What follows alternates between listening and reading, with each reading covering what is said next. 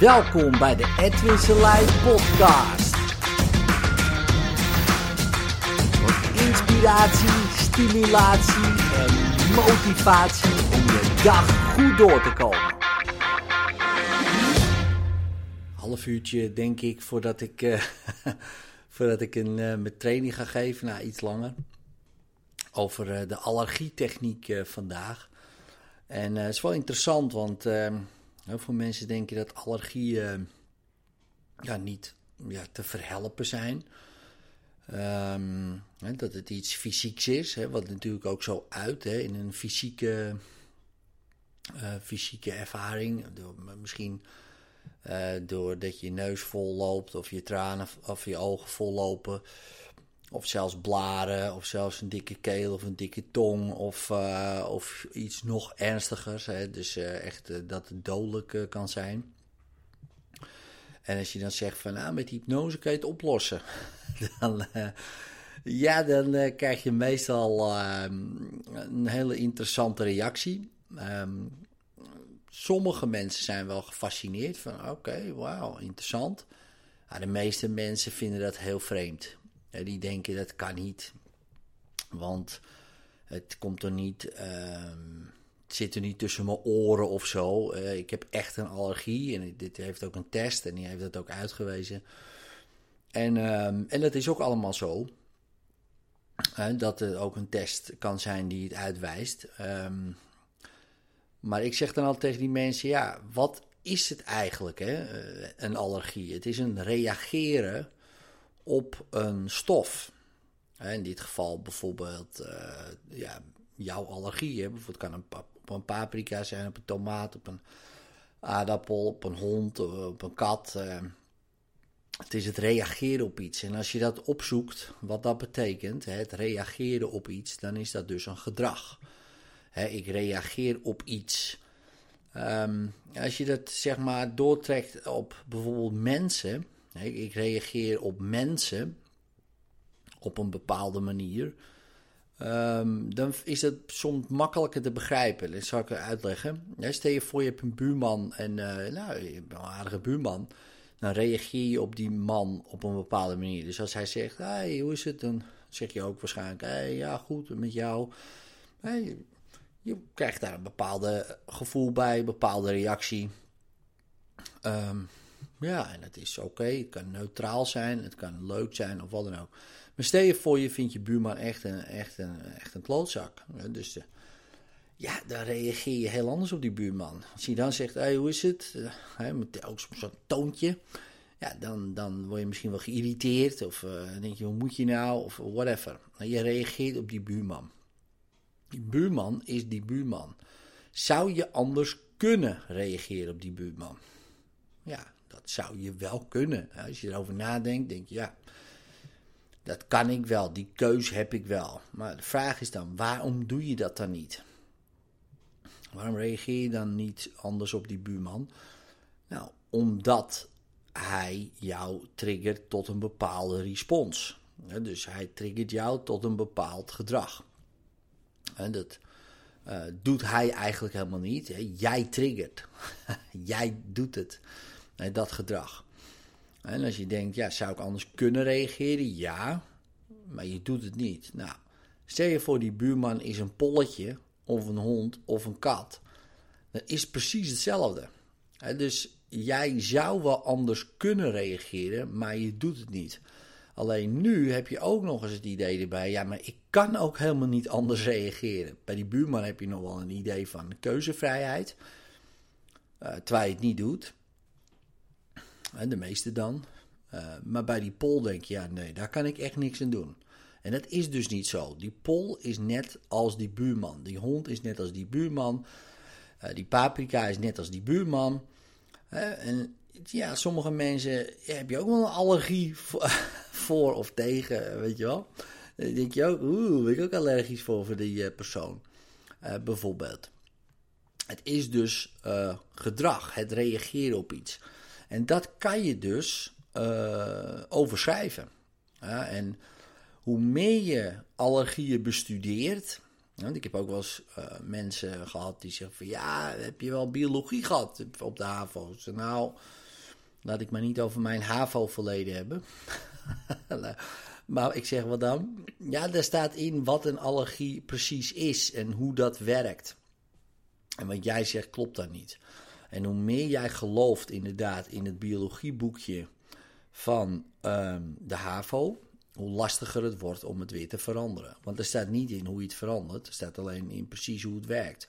Maar als ik jou uit ga leggen hoe precies een angst werkt, hoe, jij bang wordt, zeg maar, hoe dat gaat in je brein, in welke neurocorticale paden er worden versterkt en, en dat soort dingen allemaal, dan wordt het steeds lastiger voor jou om te denken: shit man, dat kan ik helemaal niet veranderen, man. Dat is iets fysieks, dat is een netwerk, dat zit helemaal vast. Eh, mijn, primitieve brein is op tilt. Eh, ik heb te hoog cortisol in mijn bloed. Ik kan dat niet zomaar oplossen. Uh, terwijl als je dat allemaal niet weet, is het in wezen heel makkelijk. Want de simpele manier is: jij reageert op een stof en ik laat jou anders reageren op die stof. Natuurlijk doe jij dat zelf. Ik help je dan. Hè. Ik faciliteer dat. En jij gaat leren hoe je anders kan reageren op die stof. En hoe dat precies in je lichaam werkt. Ja, wie, kan dat schelen? Behalve iemand die daarvoor gaat studeren.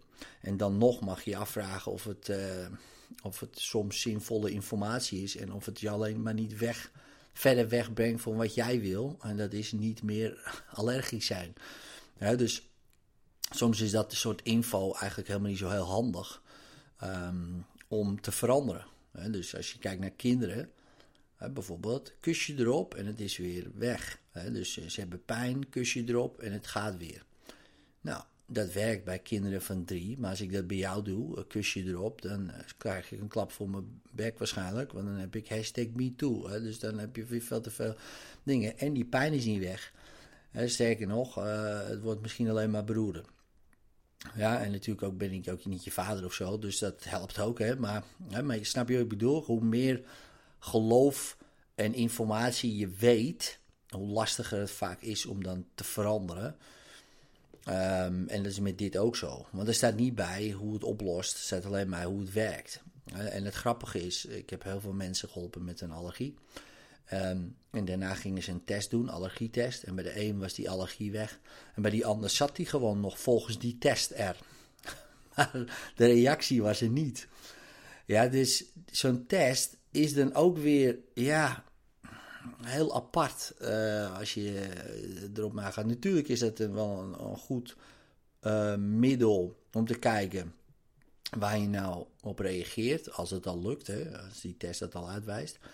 En op dat moment uh, om bijvoorbeeld hypnose te doen, om dat te veranderen. Want vaak is het wel zo, hoe specifiek je het weet, hoe makkelijker het is om te veranderen. dan kunnen we bijvoorbeeld zeggen, nou, hè, je voor je reageert prima op een paprika, maar niet op een tomaat. Dan kunnen we zeggen, nou, jouw brein reageert nu precies hetzelfde als op die tomaat, als op dat op een paprika doet. Of andersom, weet je wel.